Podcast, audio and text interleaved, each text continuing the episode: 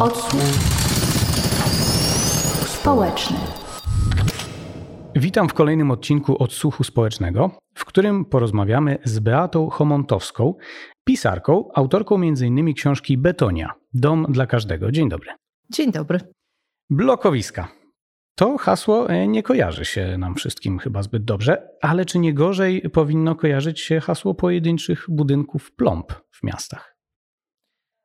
Zanim przejdziemy do tej drugiej, do tego właściwego pytania, to ja powiem, że określenie blokowiska działa na mnie trochę jak płachta na byka. O, idealnie. Dlatego, że to określenie zostało ukute, w, powiedziałabym, medialnie w latach 90.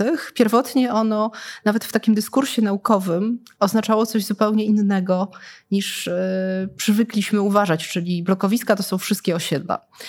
W latach 90. pojawiła się taka narracja, która też miała pokazać, że no była też czymś trochę, można powiedzieć, zrozumiałym e, po tej końcówce takiej bardzo szarej, już siermiężnej PRL-u, kiedy wszyscy marzyli o ucieczce z bloków i taki szary człowiek z bloków był synonimem przegranego, e, przegrywa totalnego, więc e, Albo wszyscy przyszłego rapera na przykład. Przyszłego rapera. Obowiązkowy wtedy... punkt w życiorysie raperów wtedy. Wtedy tak, też takie filmy właśnie Blokersi, Cześć Tereska, było, było bardzo to oczywiste, że w blokach mieszkają ludzie z, trochę z marginesu społecznego, z rozmaitymi problemami, tak to wtedy się przedstawiało. Natomiast oryginalnie to określenie powstało w połowie lat 80.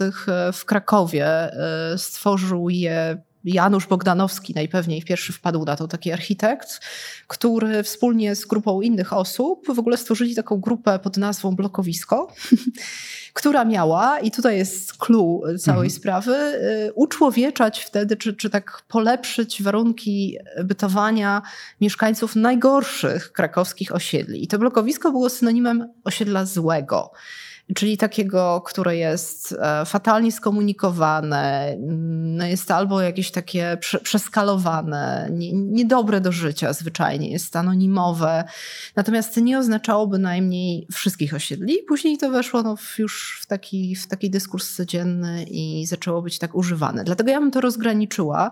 Uważam, że w tym określeniu trochę pobrzmiewa wciąż taka pogarda i taka wyższość, wyższościowość. Oczywiście no to zależy, bo zależy też jak czasem używamy tego słowa bezrefleksyjnie i to jest blokowisko jako pewne skupisko bloków. Natomiast uważam, że nie każde osiedle jest blokowiskiem i trochę właśnie pobrzmiewa taka pogarda dla, dla mieszkańców e, tych miejsc. W blokach mieszka no, kilkanaście milionów Polaków i e, nie tylko Polaków, no przecież to jest krajobraz na całym, całym, całym świecie właściwie. I statystyki w ogóle mówią, e, tu już przechodząc do tego, jakie, jakich bloków możemy się spodziewać, że jedna czwarta Polaków mieszka w blokach, w budynkach oddanych do użytku między 45 a 70 rokiem. Czyli to już są wiekowe konstrukcje.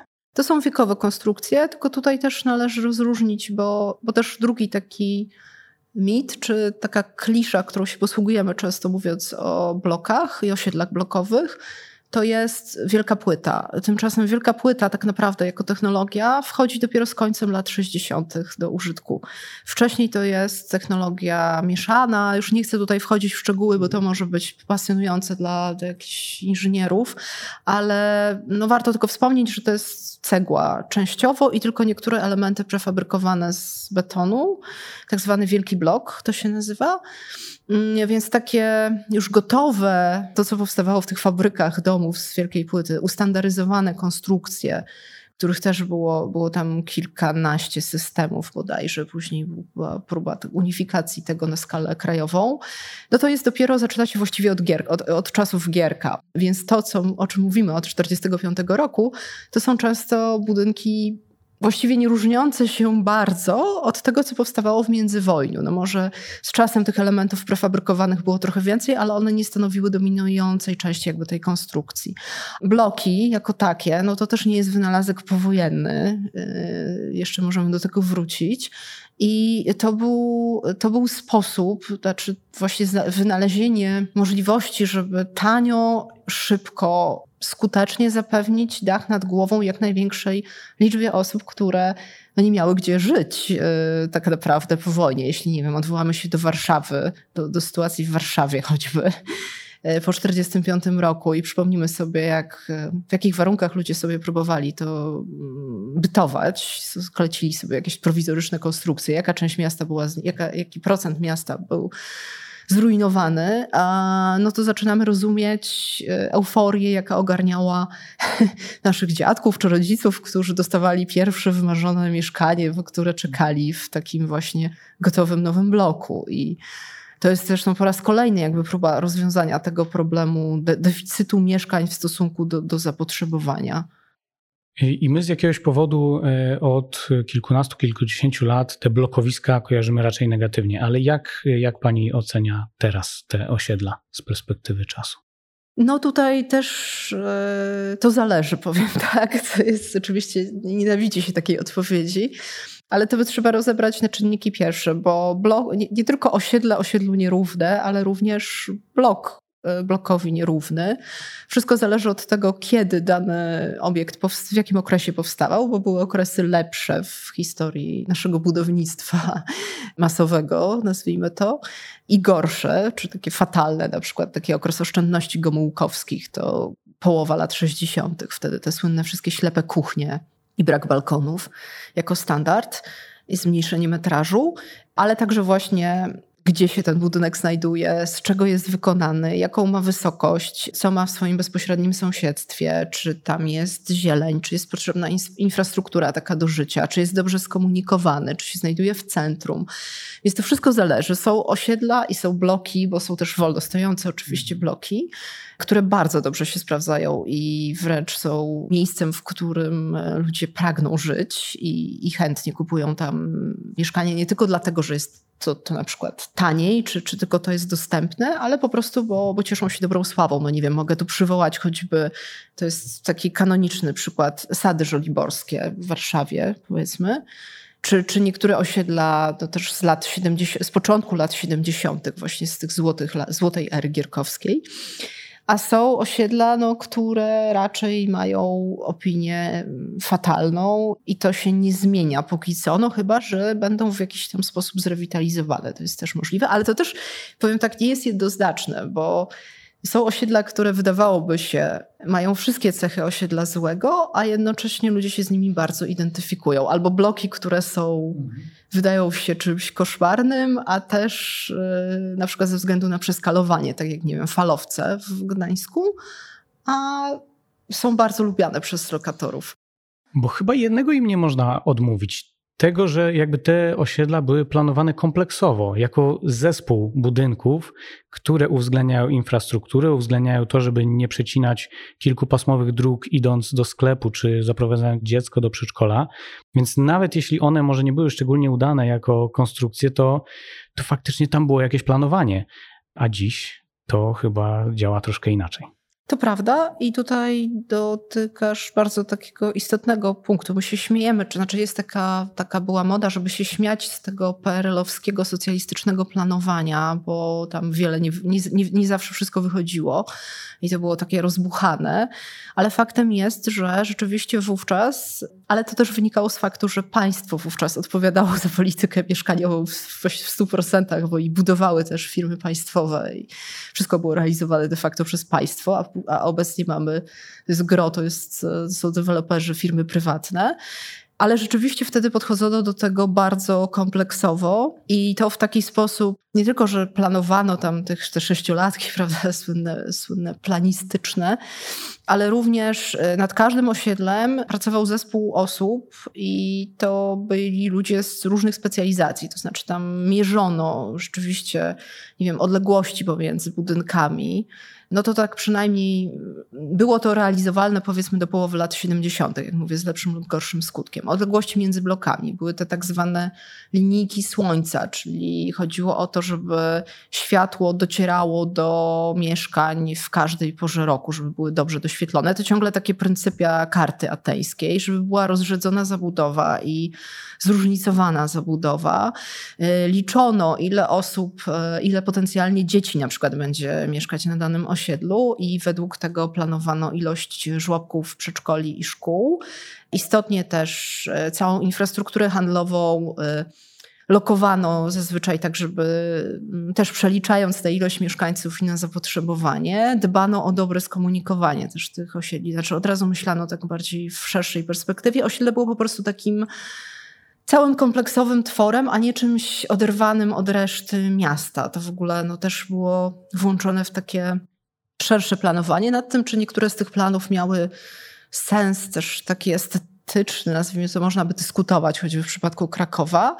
No ale to się wpisywało w szerszy kontekst. Rzeczywiście nie były to jakieś takie wyspy zabudowy, które nagle powstają gdzieś w szczerym polu, choć tak się może wydawać, jak oglądamy te archiwalne zdjęcia, tylko miało to, było to głęboko przemyślane i rzeczywiście to nie było tylko tak, że urbaniści i architekci nad tym pracowali, ale również e, socjologowie, ekonomiści, osoby zajmujące się zdrowiem. To w każdym takim zespole to, to, to, to taki, tacy ludzie pracowali. A jak to wyglądało na świecie? Bo po wojnie większość państw mogła się mierzyć z wyzwaniami mieszkalnictwa. No tutaj e, to prawda i o tym też często zapominamy, bo, bo, nam się wydaje, że, że Polska to jest jedno wielkie właśnie e, z przeproszeniem blokowisko.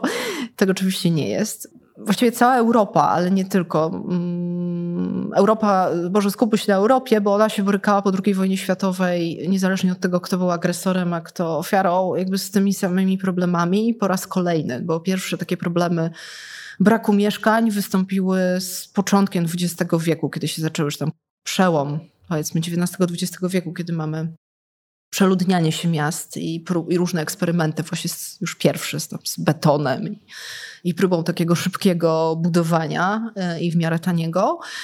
A tutaj mamy bardzo dużo osób bez dachu nad głową, które potrzebują e, mieszkań. W czasie wojny zaś, wojna zawsze ma to do siebie, że rozwijają się różne technologie, stal, beton i tak dalej, które służą innym, innym celom, ale te rozmaite wynalazki potem mogą być stosowane w budownictwie, udoskonalane. No więc z tymi problemami się boryka praktycznie cała Europa i mamy taki, z tym, że po 1949 roku mniej więcej się to rozjeżdża, to znaczy u nas...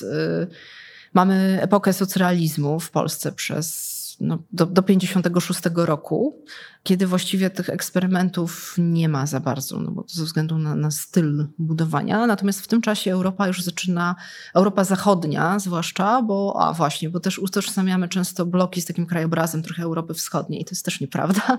Europa Zachodnia wtedy właśnie buduje na potęgę i realizuje te różne takie korbuzjerowskie pomysły dotyczące nowych miast czy, czy nowego sposobu życia w miastach i buduje tych bloków bardzo i tych osiedli bardzo dużo.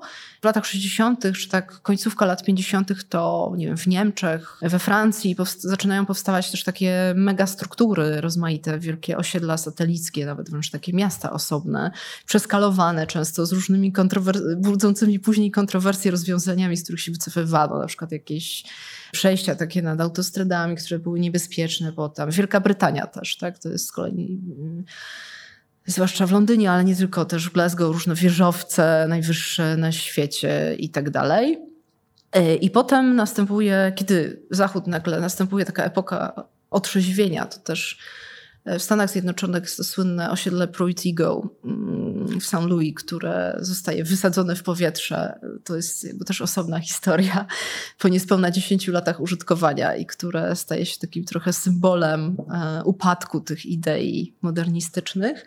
To Zachód się zaczyna z tego stopniowo wycofywać i jakby trochę modyfikować to swoje podejście do budownictwa blokowego, aczkolwiek z tego też się nie wycofuje całkowicie, bo nie ma takiej możliwości, bo to jest rzeczywiście jedyny sposób, żeby szybko i tanio zapewnić te, mm, te cztery kąty ludziom, to my wtedy dostajemy przyspieszenia. Znaczy to tutaj my mamy takie opóźnienie przez ten socrealizm, wtedy zaczynają nasi urbaniści, architekci wyjeżdżać na zachód, i implementują tutaj te same idee z pewnym poślizgiem.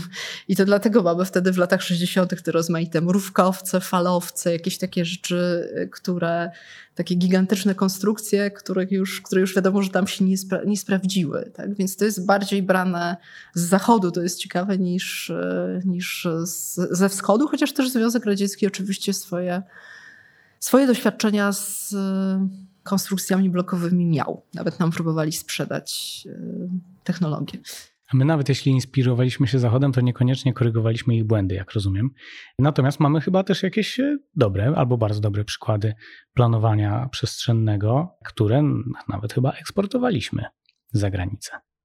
Znaczy mamy na pewno jakieś, y, są przykłady technologii typu Rama które chcieli od nas kupić Węgrzy chociażby. My mamy, znaczy z pewnością, y, bo też o tym zapominamy, że to się nie wzięło wszystko, tak czasem się wydaje, że po 1945 roku nastąpiło jakieś włączenie światła na nowo i wszystko jest od zera. To nie jest tak, ponieważ osoby, które projektowały osiedla, i które projektowały bloki, to, yy, to były osoby w większości, które kształciły się przed wojną. I przed wojną eksperymentowały na przykład na małą skalę z ideą osiedla społecznego, co jest bardzo ważne tutaj. I nie tylko z nowymi technologiami, no choćby Cyrkusowie, ale czy Bogdan Lachert, twórca Muranowa, tutaj tak przywołajmy takie warszawskie przypadki, ale nie, nie tylko. To byli ludzie, którzy gdzieś tam wyrośli z tych idei, że należy że mieszkanie się należy każdemu, niezależnie od jego statusu społecznego, że robotnik, co później się wpasowało oczywiście też w taką ideologię y, Polski socjalistycznej, ale że, że się należy każdemu, że robotnik może mieszkać w takich samych warunkach jak inteligent. Przed wojną to było trudne do realizacji ze względu na, na kilka warunków, choćby no, też własność prywatną gruntów, y, ze względu na to, że no, takich inwestycji nie było wiele. Nie, nie, zdąży, nie, nie zdążono też je przeprowadzić. No, to były takie pionierskie jakieś realizacje jak WSM Żoliborski czy, czy, czy osiedle Rakowiec. No a później te idee były y, jakby przy sprzyjającym klimacie politycznym, nazwijmy to tak, y, możliwe do realizacji po 1945 roku.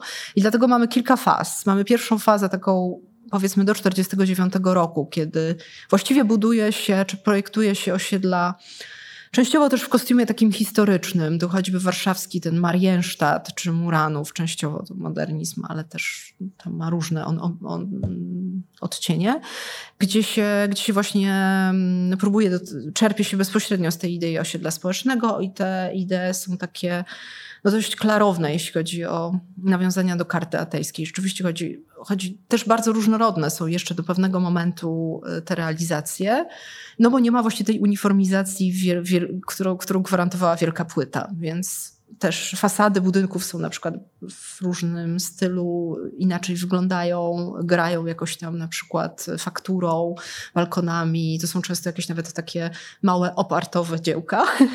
Później mamy ten okres socrealizmu, który też nie jest najgorszy, jeśli chodzi o jakość tych konstrukcji. No, jeśli chodzi o styl, no to, to jest już kwestia, jak to odbieramy, jako, jako osobliwość pewną, czy też tutaj różnie, różnie, różnie można o tym mówić. Potem mamy ten początek taki epoki Gomułki, gdzie też powstają całkiem e, interesujące obiekty i to ze względu, z punktu widzenia takiego architektonicznego także, bo to właśnie są te pierwsze inspiracje Zachodem.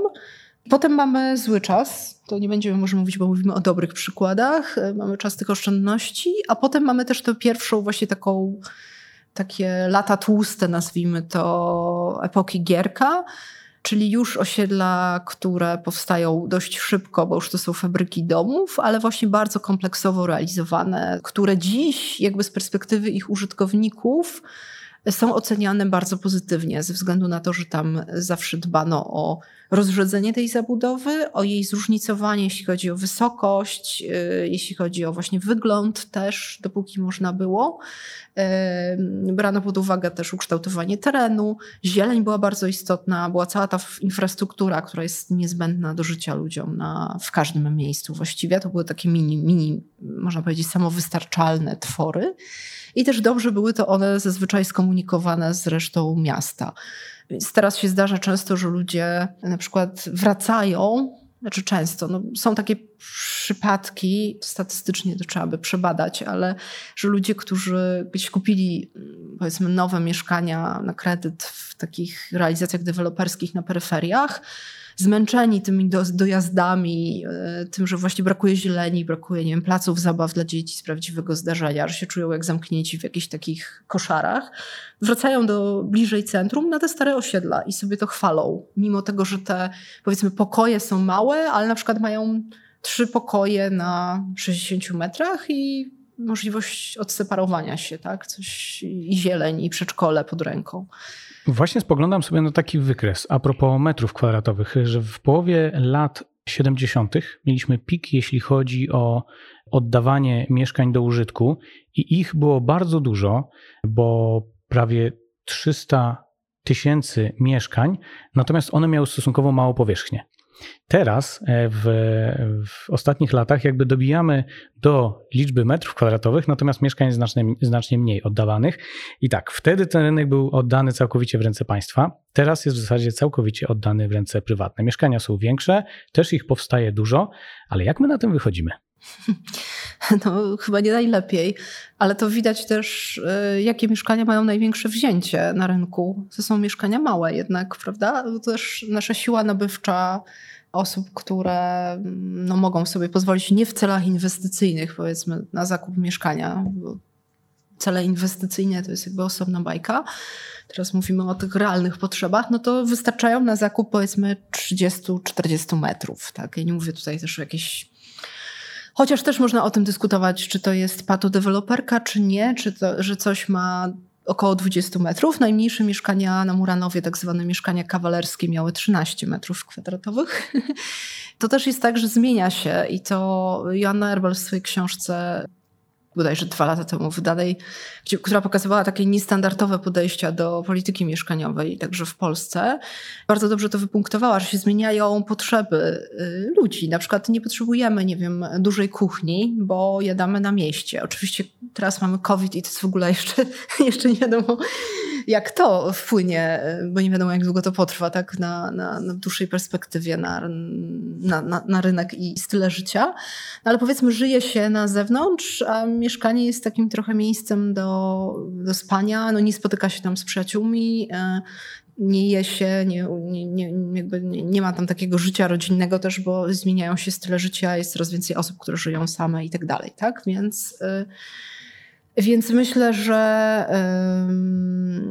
to też było tak, że ja uważam, że to, że państwo miało, brało na siebie ciężar dostarczania mieszkań, co, co wypływało też oczywiście z, z, z ustroju, jaki wówczas panował nie było czymś złym, wręcz przeciwnie. Pamiętajmy, że na Zachodzie, o czym też się często właśnie nie wspomina, też te wielkie projekty osiedli były też realizowane przez państwo albo jakieś jednostki samorządu z myślą głównie o osobach gorzej sytuowanych, to prawda, czyli tworzyły się trochę getta, ale jednak to też było w rękach, nazwijmy to, administracji, a nie w rękach prywatnych, y, gdzie i tutaj się trudno obrażać też na to, że taki prywatny inwestor, on myśli przede wszystkim o swoim zysku.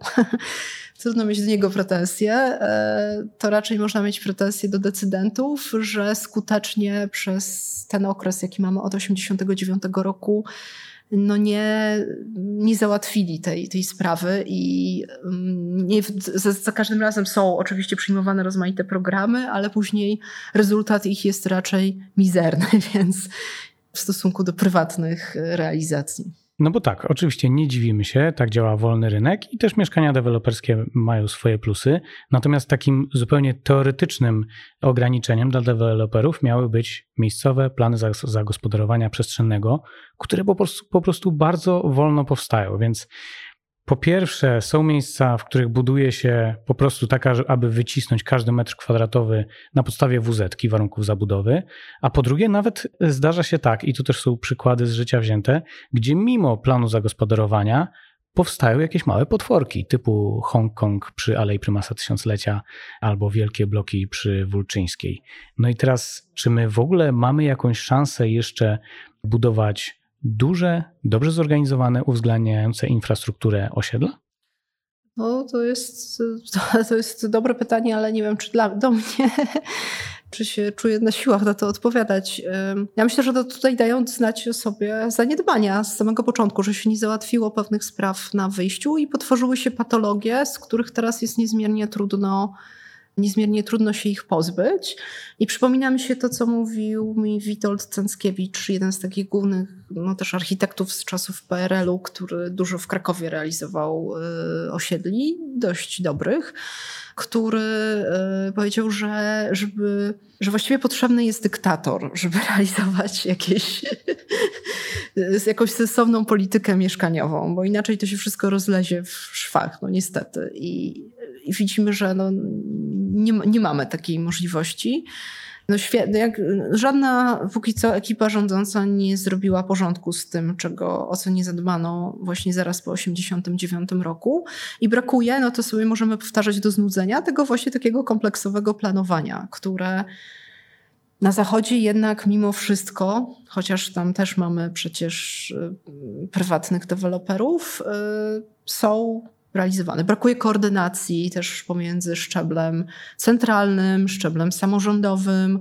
Są no też niektóre dobre przykłady takich mm, realizowanych osiedli mieszkaniowych, jakieś takie modelowe, nie wiem, te nowe, nowe żarniki, żarniki, właśnie mhm. to chciałam powiedzieć. No, ale to są na razie takie małe jaskółki, które jeszcze wiosny nie czynią. I czasem, i to jest też taki paradoks, że być może łatwiej byłoby na przykład samorządowcom dogadać się, stworzyć jakąś taką jakieś takie wytyczne dotyczące dobrych praktyk e, w konkretnym na przykład mieście i dogadać się z deweloperami pod kątem prywatnymi, pod kątem paradoksalnie, tak, pod kątem e, już myślenia takiego bardziej przyszłościowego o tym, jak te osiedla powinny wyglądać i zmusić ich niejako jakby z tej swojej pozycji mimo wszystko władzy do realizacji tego, dając im też być może jakieś, jakąś marchewkę na, na zachętę, niż próbować to koordynować na tych wszystkich szczeblach. No nie wiem, to jest, to jest bardzo trudny, trudny temat i nie wiem, czy my z tego wyjdziemy, szczerze mówiąc, jakoś szybko. No, samo to, że e, już tyle lat powstają e, bloki trochę bez pomysłu i kontroli, no to to już nas na kilkadziesiąt lat w zasadzie obciąża. To, to są rzeczy, które będą przez bardzo duży, długi czas przez nas oglądane. Zastanawia mnie jeszcze jedna rzecz, jeśli chodzi o starsze osiedla z ubiegłego stulecia. Jak jest e, z ich trwałością? Czy mimo, że ludzie teraz e, mogą wracać trochę do tych e, dużych PRL-owskich osiedli, czy nie jest tak, że one już niedługo się rozpadną?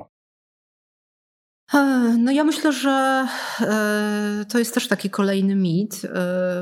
Różne podawano tutaj daty od oddania do użytku, do rozpadu.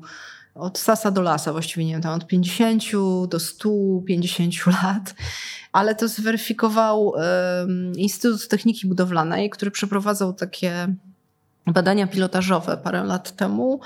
Trwałości konkretnie tu znowu wchodzimy w kwestie takie techniczne, ale takich spoiw, które łączą te płyty betonowe, bo to badano osiedla wykonane tylko w technologii wielkiej płyty, czyli nie wszystkie. E, czyli właśnie mówimy tutaj od końca lat 60., powiedzmy, dominująca technologia, bo tu jest pies pogrzebany. Znaczy, jeśli chodzi o beton jako taki, to te konstrukcje są naprawdę bardzo odporne. Zresztą można je, co pokazują przykłady choćby z Berlina czy Londynu, wykorzystywać ponownie. Można te bloki dekomponować, przerabiać, z jakichś takich 10-11 piętrowych robić tarasowce czteropiętrowe z dużym metrażem, mieszkaniami z dużym metrażem, z balkonami na dachu. Można robić domki jednorodzinne, więc to jest naprawdę bardzo też taki ekologiczny paradoksalnie materiał. Natomiast kwestia jest tego, czym to było połączone, te płyty. E, jak to było wykonane, bo na przykład ze względu na to, no, że już było coraz mniej pieniędzy, powiedzmy tam od połowy lat, od początku lat 80., tak, to, to już można podejrzewać, że zamiast stali szlachetnej tam mogły być jakieś stopy gorsze i w związku z tym no to zacznie korodować i się rozpadać. I jeśli, oto, jeśli gdyby taki czarny scenariusz nastąpił, to też jest ciekawe, że nasze państwo nie ma żadnych planów co do tego do tej pory, bo ja też na potrzeby książki się, się próbowałam to zweryfikować. No i wyobraźmy sobie, że jakiś, jakiś blok jest kompletnie taki na chomiczówce właśnie, czy gdzieś, y, nadaje, nie nadaje się do użytku i tam mamy kilka tysięcy osób, którym nagle trzeba zapewnić dach nad głową. Chyba nikt w ogóle nie bierze pod uwagę takich scenariuszy realnie, chociaż miano je, miano je tworzyć. Nawet parę lat temu były dyskusje na ten temat w naszym parlamencie, ale chyba skończyło się tylko na pisaniu interpelacji i opowiadaniu o tych pomysłach. Nawet miały być wspólne plany tutaj w obrębie Europy Środkowo-Wschodniej. E, co, co dalej robić z tymi osiedlami blokowymi. Natomiast na szczęście te ten audyt wykazał, że te budynki nie są, te, te, które badano, nie są w jakimś takim złym stanie, więc jeszcze myślę, że parę dekad spokojnie przetrwają, a ich standard nie jest najgorszy, co pokazuje, no, wyznacznikiem są ceny tutaj na rynku, że mieszkania w takich budynkach yy, no, są często w podobnych cenach jak mieszkania w kamienicy w podobnej lokalizacji. No i też popyt. Mamy ciągle popyt jest o wiele większy niż podaż. Nie ma, brakuje mieszkań e, na rynku, więc ten rynek wtórny jest, jest ciągle rozgrzany. No dobrze, czyli e, dobra wiadomość jest taka, że ten audyt był stosunkowo optymistyczny, natomiast zła jest taka, że to jest tylko odłożenie w czasie problemu i jak te osiedla się rozpadną, to się rozpadną całe powiedzmy, bo jeśli wielka chomiczówka była budowana w ciągu kilkunastu lat, no to będziemy mieć kilkanaście tysięcy albo kilkadziesiąt tysięcy osób, które będą jednocześnie mniej więcej potrzebować nowego dachu nad głową. Może tak być, ale nie musi. Znaczy to też nie wiemy, no bo to by trzeba było przebadać każdy budynek, a to jest chyba niemożliwe z rozmaitych względów logistycznych, finansowych i tak dalej. To jest jakoś to będzie, nasze polskie. Ale ja myślę, że też to będzie się, to może się zmieniać w czasie, bo już też widzimy, kto mieszka na przykład na takich osiedlach, a to już widzimy, na, to się dzieje też na świecie, yy, w Europie mm, zachodniej i widzimy to też w większych polskich miastach, choćby to, że nie wiem, w osiedle na przykład za żelazną bramą, no to tam mieszka coraz więcej migrantów. To jakby zmienia, zmienia się też, ludzie, którzy do tej pory użytkowali, przenoszą się w inne miejsca. Ci migranci też powiedzmy pierwsi, nie wiem, Wietnamczycy po jakimś czasie, kiedy się dorobią, też dla nich to jest tymczasowy lokal. Coraz więcej też mamy i też się przenoszą gdzie indziej. Na ich miejsce przychodzą inni, którzy dopiero zaczynają swoje życie tutaj w mieście.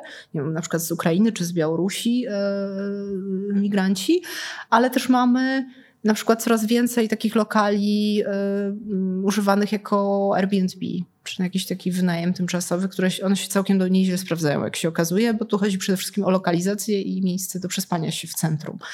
Więc to różnie może być. Yy, no dopóki nie zaspokoimy tego popytu, który, który jest, to ludzie będą w tych blokach i na tych osiedlach żyć. Może będzie to zależało, znaczy kto gdzie Niektóre będą bardziej popularne, inne mniej. Niektórych te ceny będą wyższe, w innych nie. No ale tak jak mówiłam, no rzeczywiście jakiegoś takiego pomysłu, jak gdyby taki Armagedon miał się wydarzyć, to, to nie ma, więc to jest ciekawe. Znaczy, nie, chyba nikt nie chciałby tego oglądać też. No w każdym razie deadline odsunął się trochę w czasie, więc e, rządzący też nie będą na tyle zmotywowani, żeby teraz w tym temacie zadziałać. E, bardzo serdecznie dziękuję e, za rozmowę. Naszą gościnią była dziś pisarka, autorka m.in. książki Betonia Dom dla Każdego, Beata Homontowska. Dziękuję. Dziękuję bardzo. Odcinek przygotowywała Magdalena Gromniak-Szi, a realizował Robert Gańko. Słyszymy się w kolejnych odcinkach Odsłuchu Społecznego. Dzięki. Odsłuch społeczny.